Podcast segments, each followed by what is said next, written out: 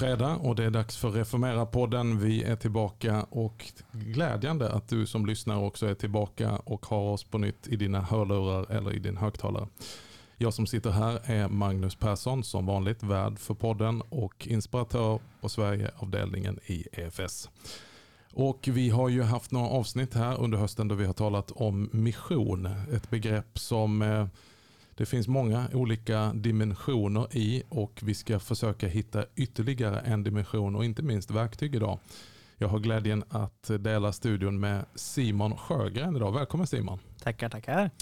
Simon, vi har ju den här dagen vi spelar in detta, inte den dagen det sänds, har ju nästan haft en hel dag ihop, höll jag på säga. Eller hur? Vi började med någonting som heter Verbum Boost. Japp. Eh, där jag hade glädjen att få tala till dig och er personal.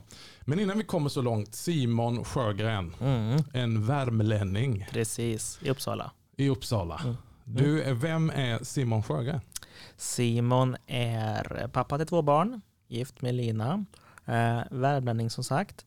Eh, präglad av både det bästa i frikyrkans värld och Svenska kyrkans värld. Eh, och församlingsrådgivare eh, på Verbum sedan snart två år tillbaka tror jag. Just det. Mm. Och vi ska tala lite grann om det, för det tycker jag är spännande och någonting som för mig faktiskt blev en eh, glad nyhet när du och jag Simon hade vårt första möte i början av det här året tror jag. Eh, men du hör alltså hemma rent utifrån din tjänst Verbum. De Mm. flesta som lyssnar på den här podden kanske, tror jag, hör talas om Verbum. Men om vi tar en snabb Mm. introduktion. Vad är Verbum för någonting? Verbum är Svenska kyrkans och Equmeniakyrkans bokförlag. Eh, och vi är väl kanske mest kända för Youtube, de röda böckerna, kyrkans tidning, tidningen Sändaren, Frälsarkransen Mm. eh, och en uppsjö av teologisk litteratur egentligen. Mm. Eh, och har så gjort i olika former i väl hundra år egentligen. Eh, så det är de flesta känner Verbum som. Så väldigt mycket som man förknippar med, om vi tar det utifrån ett svenskkyrkligt Mm. perspektiv, alltså gudstjänstböcker, det du Mm. kallar de röda böckerna. Ja. Det är ni som, som förlägger dem helt enkelt. Det är vi psalmböckerna, gudstjänstböckerna. Eh, och, och, liksom för, och det är alltid liksom varit Verbums jobb att finnas till för församlingarna. Eh, vi riktar oss inte till någon annan än församlingarna. Det är församlingarna finns till för att de ska vara levande och växande. Mm. Och sen, eh, och, och, och den, så mycket visste jag om verbum. Och verbum är ju liksom, ja men man kan inte röra sig många meter i svensk kyrklig miljö och även missionskyrka, ekumenia och så vidare. Utan att man stöter på verbum och inte minst kyrkans tidning. Som ligger uppslagen på varenda eh, kyrkokansli eller expedition jag kommer in på. Eh, men när jag kom och vi bokade ett möte hos er så eh, måste jag säga att den här avdelningen som du arbetar med, Mm. den, den, den visste jag inte om att Verbum arbetar än, även med det. Berätta. Eller hur? Du, nog inte, du var nog inte helt ensam tror jag Mm. faktiskt. Eh, för, för ett antal år sedan, liksom, Verbum är som sagt känd som kyrkans bokförlag, men, men vi tittar ju alltid på liksom, hur kan vi på bästa sätt hjälpa församlingarna i att liksom, leva aktiva församlingsliv, församlingsgemenskap. Ehm, och sen ett antal år tillbaka så jobbar vi aktivt med att hjälpa församlingarna inom det man från början sa medlemskommunikation, Mm. men det vi idag säger är liksom församlingskommunikation, medlemsvård och det grundläggande missionsuppdraget som församlingarna har på olika sätt. Eh, och till min hjälp har jag en, eh, ett antal kollegor som stöttar i detta. Mm. Ja, ni har en hel avdelning som ni kallar för församlings... Församlingsliv, tjänster och utbildning kan man också säga. Just det. eh, Är det. Eh, och kärnan är liksom skärningspunkten mellan kommunikation och teologi. Mm.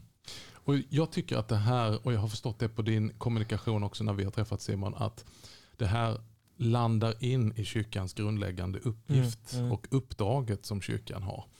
Eh, och där ni servar kyrkan med verktyg. Eh, försöker eh, inspirera tänk. Men ni nöjer er inte med bara inspirera tänk i enlighet med kyrkans grundläggande uppgift. Utan ni har också utvecklat väldigt fina verktyg. Men om du drar den här historien hur det här verktyget kom till. Mm, kan jag göra. Eh, och det är så att för, för ett antal år sedan så fanns det, eller finns en man som heter Ulf eh, som, som grundade ett företag som heter Streamstone som började med detta egentligen. Och det var ungefär i tidsperioden när Verbum började fundera på hur kan vi hjälpa församlingen med detta. Eh, och, och Ulf eh, hade en bakgrund där han som de flesta, han var medlem i Svenska kyrkan ehm, och sen av olika skäl så, så, så valde han att, att, att backa lite från kyrkan och då började han tänka här, liksom, varför får inte jag någon återkoppling, relation med Svenska kyrkan? Varför hör man inte av sig exempelvis om man nu skulle välja att gå ur, gå ur Svenska kyrkan? Mm. Och då började det här växa. Eh, och som han väl egentligen såg, som då kanske inte kom jättemycket från kyrkans värld, mm. eh, i det här att att Svenska kyrkan, om man jämför med många andra organisationer som har medlemmar, tappar relativt få medlemmar faktiskt per år. Mm. Om man jämför med många andra. Men vad många andra är mycket bättre på, det att värva nya medlemmar. Just det. Eh, och det här satte igång ett tänk hos honom. Mm. Och sen möttes det med Verbum sen, lite mm. senare. Mm. Men jag tycker det är en häftig eh, twist på den historien. att det börjar med, som jag förstod att Ulf eh, eh begärde utträde ur kyrkan. Ja, eller, ja. Och lite, ska vi kalla det för irritation eller frågan över varför ingen följde upp detta. Precis, precis. Gjorde att han med sin kunskap mm började liksom skissa på ett verktyg ja. som handlar om kommunikation med Precis. medlemmar. Mm, precis, det som idag heter församlingsportalen, vilket är ett av de stora verktygen vi jobbar med. Mm. För, för det vi märker, eller jag märker när jag åker runt med min, min verktygslåda till, till olika församlingar, är att man, man, det finns ju ett behov av att både liksom sänka trösklarna, vill många göra, om vi tänker oss kyrkouppbyggnad, mm. man vill sänka trösklarna så mycket som möjligt för att folk ska komma in. Mm. Och samtidigt måste man bevara djupet i, i kyrkan, i katedralen. Mm, mm. För bara sänker man bara trösklarna, då finns det ingenting där innanför. Nej, just det. Då eh, rinner du in och rinner ut. Ja, men lite så. Man kommer en gång, man kommer inte tillbaks. Mm. Eh, så det, och det här behöver församlingen lägga mycket tid på, att både kommunicera kyrka och också vara kyrka. De här två hänger ihop. Eh, så då har vi exempelvis församlingsportalen som där vi hjälper där vi hjälper församlingar och pastorat att, att målgruppsanpassa mm. och till stora delar automatisera sin kommunikation. Mm. Men, men om vi bryter ner det Simon, så att, eh, du har ju på ett sätt en liknande tjänst som jag har. Du reser ute, besöker mm. församlingar. Yes. Och då har du med den här spännande verktygslådan mm. som jag tänker att wow, tänk om man hade haft den. eh, och då har du i den här portalen lite olika verktyg mm. Eh, som man använder. Berätta hur, hur för de eh, församlingsherdar, kyrkoherdar, präster, diakoner som mm. sitter och lyssnar nu och mm. säger, aha men det här låter intressant. Om du skulle sälja in det här mm, nu och mm, köra mm, din eh, sales pitch. Eller missionspitch. Missionspitch kanske. Ja, ja. Ja, men det, det, man, det, vi gör, vi tittar på liksom hur ser kommunikationen ut? Liksom vad skickar man ut? Ofta postalt. Och då brukar det vara sånt som att man skickar dopinbjudan. Det ska man göra, säger kyrkoordningen. Mm.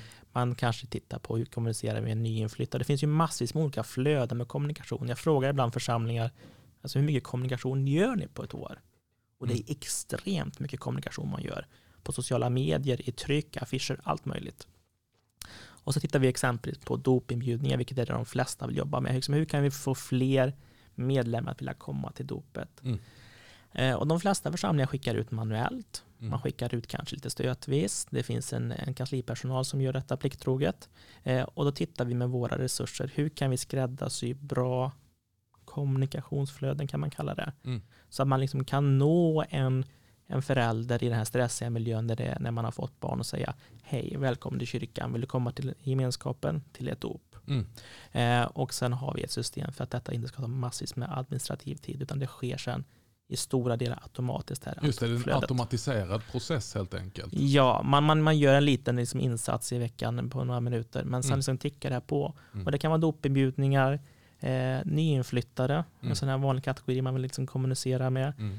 Eh, dopuppföljning. Många skickar ju kanske grattis på dopdagen efter ett år och bjuder in till dopkalas. Mm. Men, men det man också kan kolla på, men hur gör man detta efter fem år, tio mm. år, 15 år, 20 år? Och också ha liksom målgruppen i åtanke för någon som kanske eh, har döpts som konfirmand eller som mm. i vuxen mm. ålder kanske inte vill ha samma dopkalas som någon som har döpt som ett år. Mm. Så vi målgruppsanpassar till så stor liksom, utsträckning också som möjligt den kommunikation, kommunikationen församlingarna vill göra. Mm. Och där har jag exempelvis en kollega Caroline som, som stöttar församlingarna i att titta på hur ska vi bygga detta? Just det. Mm. Och, och, om jag har förstått det rätt, eh, och det kanske jag inte har gjort, men, men man skulle kunna, det finns egentligen ingen gräns för hur mycket man skulle kunna använda ett sånt här verktyg. Man skulle kunna prägla det Mm. utifrån den lokala församlingens kontext. Ja. Man skulle kunna bjuda in i lämplig tid efter ett dop till barngrupp, Mm. till eh, öppen förskola, Mm. till barnrytmik. Man skulle kunna bjuda in eh, föräldrarna i dopföljet till eh, en alfakurs eller Mm. någonting. Absolut. Och det, det, när man, liksom, jobbar med, med framförallt medlemmar så har vi ju K-bok som de flesta kyrkor känner till, vårt medlemsregister. Exakt. Eh, och det finns det ganska stora möjligheter. Och sen kan vi ju också, vilket man inte skulle glömma, jobba mot de som inte är medlemmar. Mm. Framförallt när det kommer till nyinflyttade så vill de flesta liksom bjuda in även de som inte är medlemmar till en fika eller en lunch eller vad det nu kan vara. Mm. Men det finns ju framförallt i det här att följa upp dopet på lång sikt. Och Mm. vad är dopet? För det, det ser ju vi också de undersökningar vi gör åt församlingar. Att ofta blir dopet en punkt, Mm. en enskild händelse. Och det är det ju på sätt och vis också, för vi Mm. gör ju bara ett dop. Mm. Men dopet är också ett flöde och ett tillfälle att kommunicera och bjuda in på Mm. lång sikt. Och växa in i sitt dop helt Ja, växa in i sitt att, att, att, att hjälpa människor att växa in i förståelsen av vad är den här fantastiska gåvan som är given mig och hur kan jag mer och mer Ja, växa in i det. ja precis. Och vi, vi säger i- på, på vår avdelning att vi vill, vi vill låta din församling betyda mer för fler. Mm. Och det består, består ju av två delar egentligen. Att vi vill att det ska betyda mer i att vi vill fördjupa relationen som ni har. För det är ju alltid församlingarna, så om, om vi liksom tittar på kyrkan så är det församlingen som är grunden, liksom den Mm. grundläggande pastorala fundamentet vi har, det är där relationsbyggandet sker. Mm. Så vi vill fördjupa den relationen, men också nå fler i den mån vi vill, kan och prioritera. Du, den, där, den där slogan gillade jag. Ni gör det? Låt ja. din församling bli mer Det- för fler. det är mer för fler. Och det ligger någonting i det, för det är inte bara att vi och det tittar man ju också på, för som sagt att om man bara kommunicerar kyrka, och det är inte fel att kommunicera kyrka, det ska vi göra, Mm. men det är också att vara kyrka. Exakt. Så innehållet ska ju liksom vara förankrat i teologin och den Mm. lokala församlingskontexten. För det är alltid församlingarnas kommunikation. Så när min kollega Caroline tittar på liksom, hur vill ni kommunicera, så tittar man ju på vad är ni för församling, vad är Mm. ni för pastorat, Mm. hur ser traditionen ut, vad har ni för lokal kontext, vad vill ni lyfta egentligen? Just det. Ja. Det här är ju, eh, det, det, det föranleder ju en fråga varför använder inte alla församlingar det här verktyget? Men det kanske finns många praktiska eh, svar på det också som ger en förståelse. Men eh, vad möter du Simon när du är ute och eh, eh, representerar Mm. och försöker hjälpa Mm. församlingar att tänka mission och kommunikation? Mm. Eh, vad, vad är utmaningarna? Ja, men jag tror att alltså, utmaningen man möter att det finns på vissa ställen ett dåligt självförtroende i Mm. Svenska kyrkan. Att, man, att vi känner att, att det vi, nu säger vi, det vi gör inte riktigt bär. Mm. Det görs jättemycket bra i Svenska kyrkan och det ska vi lyfta. Mm. Alltså varje dag firas det gudstjänst någonstans i Sverige, Ja, i Svenska kyrkan. Det är en fantastisk liksom, gåva att liksom, Mm. liksom, lyfta. Och samtidigt, och jag tror det landar ganska ofta i den här eh, kyrkporten och djupet, att liksom ibland eh, så glömmer man att om vi vill prata liksom diakoni, Mm. Som är en extremt viktig del av det församlingen gör, Mm. om inte mottagarna vet vad diakoni är, Mm. landar det fel. Mm. Eller när, när vi pratar vigning, Mm. så pratar andra bröllop. Ja. Så man behöver jobba med att hitta den här Mm. balansen mellan att sänka de här trösklarna och också få det här djupet. Mm. Eh, och titta på att det här kyrkorummet som är inne i det här djupet Mm. ser olika ut. För det är liksom, vi lever i en, i en, en värld som är globaliserad. Jag vet mina två söner, något av det roligaste de vet är att titta på, vi går in på en karta på, på Google och så kan vi ta det här liksom street view. Just det. Och så kan vi gå på liksom vilken gata som helst i världen nästan. Mm. Och samtidigt blir den lokala kontexten än viktigare. Mm. Och det är för församlingen är både liksom kärnan men också Mm. stjärnan. Det, för det är Mm. församlingen som kan bygga det här relationsbyggandet. Och då måste man våga som Mm. församling. Och våga prova, våga testa och få inspiration och liksom lyfta lite i detta. Så det är modet som behöver lyftas och självbilden behöver stärkas och, och självförtroendet ökas. Ja, men självförtroendet ökas och också att titta på vilka finns vi till? För jag träffade kyrkoherde för ett tag sedan. Där vi hade gjort en, en, en undersökning där man tittar på liksom hur uppfattas kommunikationen i församlingen. Eh, och så ställde hon frågan till ett antal förtroendevalda i, för, i församlingsråd. Vill ni att det kommer fler barn till kyrkan? Och då säger alla plikttroget ja, såklart Mm. vi vill det. Och så säger hon, men vill ni verkligen det? Mm. Vill ni verkligen den här trygga gemenskapen som ni har? Mm. kommer att störas av barn som kommer kanske och skriker på gudstjänsten. Mm. Och de här frågorna behöver vi jobba med i Svenska Mm. kyrkan, Mm. menar jag. Eh, så det gäller att våga pröva och ställa sig frågan, vilka finns vi till för? Exakt. Vi finns inte till för oss själva. Mm. Vi måste ju öppna den här kyrkporten och bjuda in till den här rikedomen som finns i kyrkans långa tradition.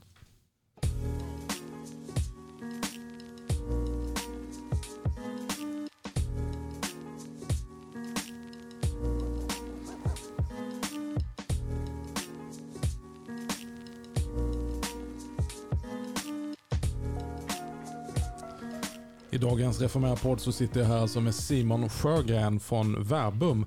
Och inte bara bokförlaget Verbum eller förlaget som ger ut eh, kyrkans tidning som du säkert är bekväm eh, och bekant med. Utan eh, också det församlingsstödjande och församlingsrådgivande delen. Församlings, jag säger fel hela tiden, församlingslinje, nej vad sa du? Församlingsliv. Församlingsliv. Ja. Det här tycker jag är jättespännande och jag tänker på bara de få mötena vi har haft det senaste året Simon, Mm, när jag har mm. mött dig, din chef Martina. Så tänker jag wow, det här är ju fortfarande one of the best kept secrets. Det kanske man inte ska säga, men jag säger det utifrån en, en uppmuntran att vilka resurser som Mm. finns i vår kyrka, det, det, det blir jag slagen av. eh, Och det tror jag du också eh, håller med mig om som är ute och reser och får möta många olika nya pastorat och församlingar. På både landsbygd och i tätort att man kommer ju ofta hem efter sina olika resor runt om i landet och är ganska uppmuntrad. Det finns saker som man kan bli beklämd över.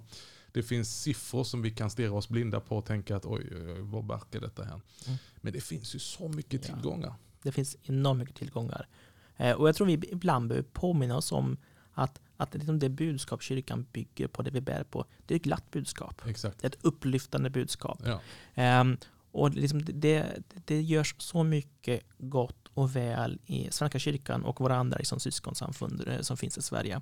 Så det finns alla anledningar att liksom vara positiva. Och jag, jag- vet, det var någon, någon, någon biskop som för några år sedan fick frågan, jag tror det var England, jag kommer inte ihåg vilken biskop det var, eh, som hade sagt att vi vill prioritera att sprida liksom, kyrkans budskap och, och mission. Och så fick han någon, fråga, någon smart skön, liksom sa, men är inte det bara ett billigt knep för att få fler medlemmar? Mm. Och tyckte han, han sa det så klokt. Han sa nej, det är kyrkans DNA att vilja Mm. dela med sig av ett glatt Exakt. budskap. Exakt. Ge som gåva vad ni har fått som gåva. Precis. Och jag tänker att det är viktigt i alla tider och synnerhet i en tid som vi lever i just nu som är så präglad av dåliga nyheter. Ja, ja. Konstant så får vi saker och ting som faktiskt skakar vår värld. Mm. Där vi eh, är vana vid att ja, ja, det händer mycket elände runt omkring i världen men det drabbar inte oss i trygga Sverige. Och helt plötsligt lever vi i en Mm. Där vi är bombarderade. Jag tänker bara från pandemin och framåt. Pandemin fick hela världen att stanna, eh, skakade om våra liv. Pandemin avslutades och så helt plötsligt så bryter ett krig ut som vi kanske inte trodde att vi någon gång i framtiden skulle se Nej. efter andra världskriget på vår kontinent i Europa. Dag efter dag, vecka efter vecka så, så får vi dessa horribla nyheter om anfallskriget där Ryssland angriper Ukraina. Och när vi tyvärr nästan har vant oss vid det, för det finns ju någon sorts tillvänjningsgrej som, som eh, är på ett sätt knäpig. Eh, Ja, då har vi det på våra egna gator. Mm. Där eh, barn helt plötsligt blir barnsoldater i ett gängkrig. Oskyldiga skjuts ner. Och inte för så länge sedan så är vi med om terroristattentatet mot fotbollsfans för att de bär svenska fotbollströjor. I det som är präglat av en folkfest. I detta och mycket annat mörkt, inte minst vad som håller på mellan Israel och Hamas, Mm. Gazaremsan. Mm. Så mycket lidande. Och kanske ännu mer lidande när det här programmet sänds. Så att vi vet inte riktigt vad vi ska säga just nu.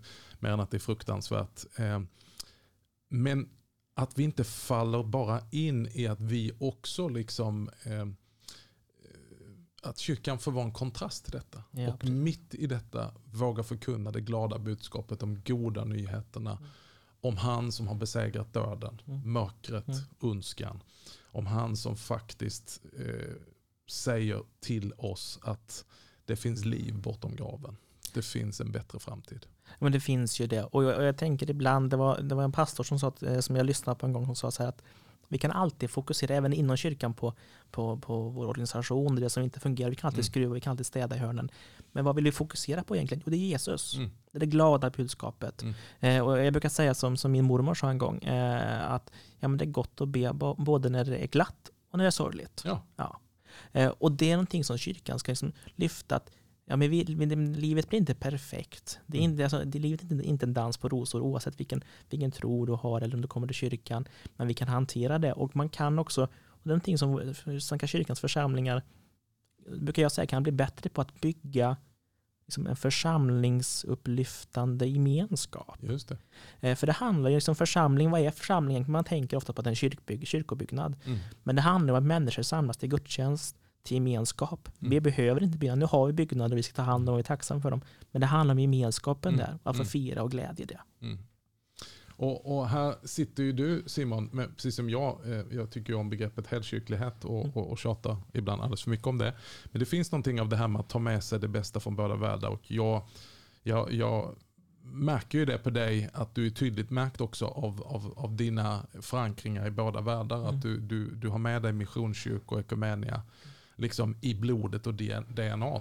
Och, s- och jobbar nu i Svenska kyrkan Mm. mot församlingar där eh, med ett tänk som jag tänker att vi behöver inspireras av och se att frikyrkorna har gett kristenheten en fantastisk gåva Mm. av just detta lite mer eh, självförtroende som Mm. vi var inne på att Mm. saknas ibland. Ja men det gör det. Jag vet, jag, för några år sedan var jag på, på, på stiftsbesök i Engelska kyrkan i Chelmsford stift.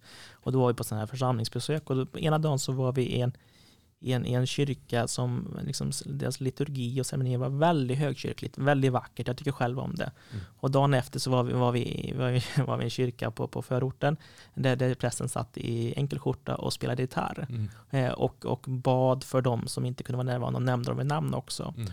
Och i detta så menar jag liksom, här ryms liksom hela liksom kyrkan. För om vi verkligen öppnar upp kyrkan och vågar tänka på kyrkoherden som vi pratade om tidigare, att vill ni att folk kommer till kyrkan? Och om vi säger ja till det så måste vi acceptera att det kommer från människor med olika erfarenheter och gåvor. Mm. Ehm, och, och det där är en process som man måste jobba med i sina församlingar och pastorat. Att öppna upp. Men du, eh, om vi går tillbaka till, till din tjänst och, och uppdraget ni har på er avdelning. Eh, så hur kan ni då ännu mer eh, komma ut och stödja församlingar? Eh, och, vad är det ni vill hjälpa dem med i den här processen? Ja, men det vi vill hjälpa församlingarna med eh, att, alltså, hur vi kan nå fler, jag, jag, jag kanske får resa lite oftare. Men säg inte det till min, min fru. Men jag tror liksom det vi vill hjälpa till med är ju att hitta, för ett IT-verktyg, och nu församlingsportalen är ett bra IT-verktyg som hjälper att, liksom att man får en målgruppsanpassad kommunikation i liksom många olika flöden. Men ett IT-verktyg löser inte alla problem. Mm. Gör det inte. Så det vi lägger ner väldigt mycket tid på, det är att jag och min kollega Caroline eller eh, mina kollegor som kanske jobbar med vår församlingstidning, att vi också jobbar med församlingar, lyssnar, och hur, hur fungerar detta, kan vi implementera, hur kan vi utveckla? Mm. Eh, för det är det som oftast tar tid, för bara ett verktyg, det löser inga problem. Ja, just det. Så man måste jobba med detta. Så när man exempelvis har brukar- min, min, min högsta chef Annika brukar säga att vi ska, vi ska gå från att vi ska ha ett partnerskap. Vi vill Mm. samarbeta. Vi Mm. finns ju till för Verbums existensberättande är att vi ska stötta församlingar. Vi är en, en, en, fin stabsfunktion. Mm. Ehm, och det lägger mycket tid på att kombinera både de här verktygen och Mm. liksom stöttningen runt Nej, som vi talade om innan idag, samverkan helt enkelt. samverkan. Eh, och där, du nämnde också i förbifarten att ni har ju även den tjänsten att ni kan hjälpa till med att eh, skapa församlingstidningar Mm. för pastorat och församlingar. Eh, hur ser det ut? Ja, men det, det var liksom för Svenska kyrkan skulle jag säga egentligen, det är ju Sveriges största liksom, tidningsrörelse. Det görs jättemycket bra liksom, församlingstidningar. Och församlingstidningarna, för om man tittar på församlingsportalen som vi pratade om nyss, då blir det målgruppsanpassat liksom, direkt in oss på enskilda individer. Men tidningarna är ju ett verktyg för att verkligen nå de, de, de breda massorna om vi säger så. Mm. Eh, De flesta som liksom kan läsa en, en församlingstidning eh, kan tänka sig att läsa den men skulle aldrig gå och köpa den själv. Så det är ett av få tillfällen vi har att kommunicera med människorna. Men församlingstidningar är oftast både resurskrävande i pengar, det tar mycket tid. Långt ifrån alla församlingar Svenska kyrkan har kommunikatörer på heltid och även de som har det är ganska liksom full, fullt uppbokade med saker att göra. Mm. Så det vi gör på, på Verbum är att man får kvar sin, vi kallar den för samverkansmodellen faktiskt. Mm. Man har kvar sin lokala tidning med namn och liksom innehåll. Men det vi stöttar med med delar av innehållet. Mm. Eh, hälften är lite mer, det vi liksom kollar på fördjupningsreportage liksom, och sådana saker. Och sen hjälper till med att sätta ihop den tidningen, trycka den och distribuera den. För att sänka trösklarna för att församlingen ska få ut saker. För det ska ju inte landa, men vi, vi lever ju inte i det många församlingar också behöver se över sina kostnader. Ja, nedskärningar. Nedskärningar. Och man kanske måste gå från 1,0 tjänst till 0,8. Mm. Och då ska inte det vara ett skäl att man måste lägga ner sin tidning eller sänka sina ambitioner eller slå sig ihop med, med andra församlingar. Så vi vill sänka den här tröskeln eh, Mm. och därför det kallas för samverkansmodellen. Och här tänker jag att det, här är en möjlighet och jag tänker att med alla de här fina verktygen ni har så behövs det också det här som du nämner att man kan boosta för att använda förmiddagens uttryck. Eh, och jag tänker att där kan Verbum ha en uppgift. Verbum boost kanske inte bara ska vara för personalen utan kanske ni ska hitta boost-tillfällen. ut att boosta församlingarnas eh, tänk, självkänsla som församling, Mm. att förstå sitt uppdrag. För då finns ju alla de här eh, verktygen. Tänk, tänk att få hjälp att ge ut en tidning till alla församlingsbor som Mm. bor inom sin församling. Mm. Som dimper ner i brevlådan. Att få hjälp. Och då vill man ju naturligtvis att det ska hålla en viss kvalitet. Mm. Och det kanske man inte kan leverera bara med den stab man har lokalt. Och då kan man få, som jag förstår det, innehåll som är av liksom både innehållsmässigt och journalistiskt en, en hög nivå. Ja. Där ni levererar det Mm. och kan sätta ihop och sen så kan man ändå behålla sin local flavor. Ja men säga. precis. Och det, om man ska liksom vara riktigt krass på församlingstidning så, så är de som regel 32 sidor långa. Mm, Eh, och då får församlingen välja, vill vi ha 8 eller 16 lokala sidor? det. Eh, och det kan vara beroende på, liksom, har vi, många vill ju ha mycket lokalt innehåll, men har man tid till detta exempelvis? Mm. Att. Men det kan man välja att ha en dialog med, med mina kollegor som jobbar med tidningen. Eh, så har man, kanske, har man kvar sitt lokala innehåll, eh, intervjuer med nyanställd personal, intervjuer med barngrupper, eh, kyrkoherdens reflektioner, det, som, finns massvis med innehåll. Mm. Och sen finns vårt innehåll som regel i, i mitten Mm. med fördjupande reportage, med intervjuer och med andligt innehåll som också är tänkt att kunna vara på en nivå så att om man förstår sig, vanliga församlingsbor ska kunna läsa detta. Eh, Så det ska vara kvar den lokala församlingstidningen och tittar man på de som, som, som idag har vår församlingstidning så har de exempelvis olika namn. Mm. Eh, För man ska liksom, det ska vara lokala återigen. För mottagarna är inte kanske jätteintresserade av en tidning från Verbum, Mm. men de vill höra om den lokala församlingen. Exakt. Mm. Och där igen så är ju det här med samverkan, att vi är starkare tillsammans. Mm. Vi är bättre tillsammans. Att man behåller sitt lokala initiativ men kan få då en, en eh, ja, in lack of better words, professionell hjälp där Verbum kan bli en tillgång Precis. för församlingarna. Och jag tycker det är fint det du säger, även om ni är ett företag och drivs eh, med de fördelar det finns som ett företag så ägs ni av Svenska kyrkan. Om jag förstår det rätt så är det majoritetsägare. Japp. Och eh, tjäna Mm. Svenska kyrkans församlingar. Ja, men det, för vi finns ju inte till för vår egen skull. Alltså de, de pengarna som tjänas, det stannar i familjen om man säger så. Mm. Ehm, och jag brukar, tän- brukar tänka på en ICA-handlare som, som finns i Årjängs kommun där jag själv är uppväxt. Och för några år sedan så installerade han en sån här funktion att man kan handla dygnet runt med, med en Mm. app och så här. Och då fick han en fråga från en, från, från en journalist som sa, men är du inte liksom ute efter att liksom skära på personalen? Mm. Och då tyckte han sa så klokt, det har bäring även i kyrkan. Mm. Så han säger, nej, jag ska inte sparka någon personal. Jag vill att min personal jobbar med det viktiga och det är mötet med våra Mm. kunder som han sa. Och det brukar jag tänka med den svenska kyrkan, att, att vi vill ju inte komma in och liksom, eh, ta över det församlingen, utan det vi vill hjälpa till med är att, få i, att ni får resurser och tid att fokusera på det viktigaste, det är relationsbyggandet. Mm. För hur duktiga vi på Verbum är, eller hur, hur duktiga man är på stift eller nationell nivå eller andra delar av Svenska kyrkan, så är det bara församlingarna som lokalt kan bygga personliga relationer. Så är det. Och vi kan ju också lära oss av historiens utveckling att det har ju funnits sådana här tider då rädslan har tagit över och tänkt nu kommer robotarna, nu Mm. kommer de ta över alla jobb. Mm. Och så visade det sig att de skapade en annan typ av jobb och ännu fler kunde bli anställda i bilindustrin och tung industri. Mm. Och nu har vi diskussionen om AI som Mm. ligger nära det här med IT och så vidare. AI kommer att ta över. Fast om vi tittar på det rätt så är det en resurs som hjälper oss att bli ännu mer effektiva. Men den mänskliga faktorn går inte att ersätta med vilka verktyg vi än kommer upp med. Men det kan göra arbetet ännu mer eh, specifikt, eh, träffsäkert och underlätta helt enkelt. Ja, men att underlätta. hjälpa nå ut. Det gör det, men jag tänker bara hur vi sitter här och kan prata om det. Kunde man inte för kanske 150 år sedan. Nej. Och jag brukar tänka, alltså när, när kyrkan är som bäst, det gru- grundläggande uppdraget är ju detsamma. Mm. Det ändrar sig inte och det ska vi vara tydliga med. Eh, Men det som ändrar sig är alla möjligheter vi har. Den här Mm. utvecklingen vi ser nu, det innebär massvis med resurser för att kyrkan ska kunna använda, framförallt församlingen kan använda att nå ut till människor och göra sig relevant. Och det, beman- och det tittar vi alltid på, liksom, hur ska man balansera den, liksom, den digitala kommunikationen, den postala liksom, riktade kommunikationen, församlingstidningar, eh, personliga möten och hitta rätt mix här utifrån hur man är som lokal församling. Exakt. Och, och, och det vi kan slå fast där, från den teologiska synpunkten kommer ju jag och jag misstänker att du också att det handlar inte om att ett verktyg, en digital lösning eller ens en tidning ersätter gudstjänsten utan att Nej. allt för emot gudstjänstens centrum och det som är församling, nämligen att församlas, att komma samman och uppleva den kristna gemenskapen, det som är kyrkan. Precis. Och det, det handlar ju om, om, om man, att, att sänka tröskeln på ett sådant sätt att man vill komma in och sen stanna Mm. eh, och möta människor där.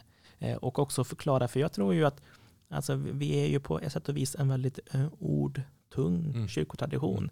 Men sen finns det tillfällen där, där ord som vi människor känner inte räcker till. Exakt. Och då har kyrkan en enorm historik och tradition att kunna ge uttryck för detta. Och det är någonting som människor söker idag. Ja. Det finns väldigt många frågor som vi inte har fått svar på. Det finns väldigt mycket oro i det här landet. Och då finns de här kyrkorummen och, som ett ställe att kunna komma till och mötas. Mm. Jag brukar tala om det här i, i mitt helkyrkliga perspektiv, huvud, hjärta, händer. Mm. Att vi är ju tyvärr fortfarande så otroligt huvudinriktade, nu generaliserar vi för det är mer än huvudet, men med huvudet menar jag kognitiv informationsöverföring. Det är mycket ord. Och jag tror att vad vi behöver som församlingar bli bättre på det är också att förstå att sända på, det är lite som Sveriges Radio. Sveriges Radio har både P1, P2, P3 och P4 och massa lokala alternativ. Det är Sveriges Radio alltihopa, men man sänder på lite olika kanaler. Och där tänker jag att kyrkan behöver lära sig också det som är kyrkans, alltså vi har ju en rik tradition av att kunna beröra inte bara huvudet, för att ibland så räcker inte vårt förstånd till, det vet vi ju, Mm. i många andra vardagliga saker, utan att saker och ting som ibland inte kan fångas av huvudet kan fångas av hjärtat. Mm.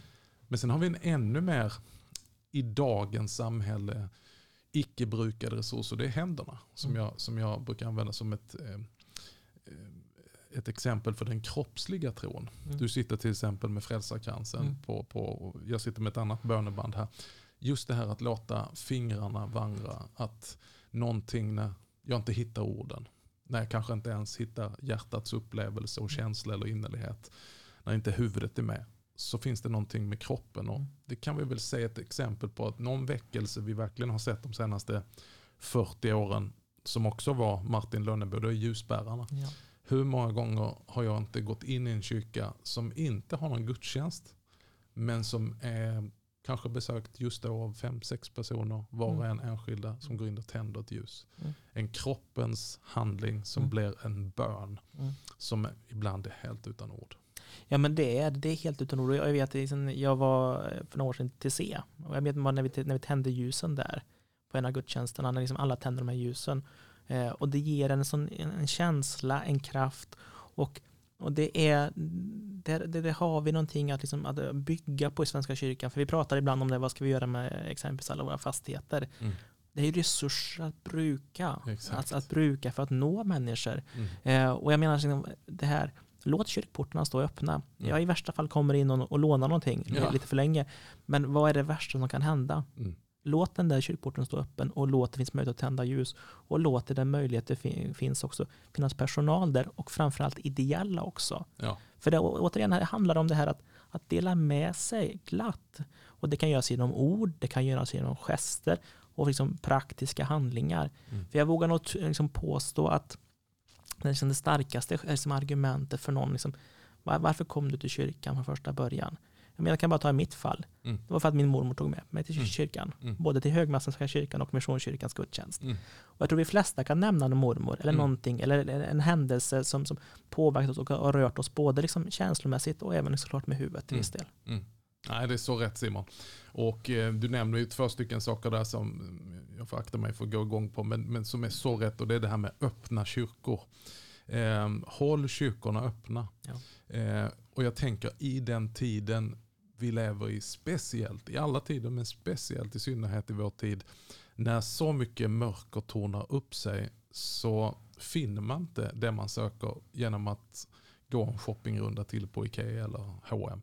Utan man söker sig till de heliga platserna. Mm. Som bara kyrkorummet är invigt rum där, som är full av eh, eh, på ett annat sätt, även om Gud är allestädes närvarande så finns det någon sorts koncentration i kyrkorummet som man behöver söka sig till i tider då, då världen skakas. Ja.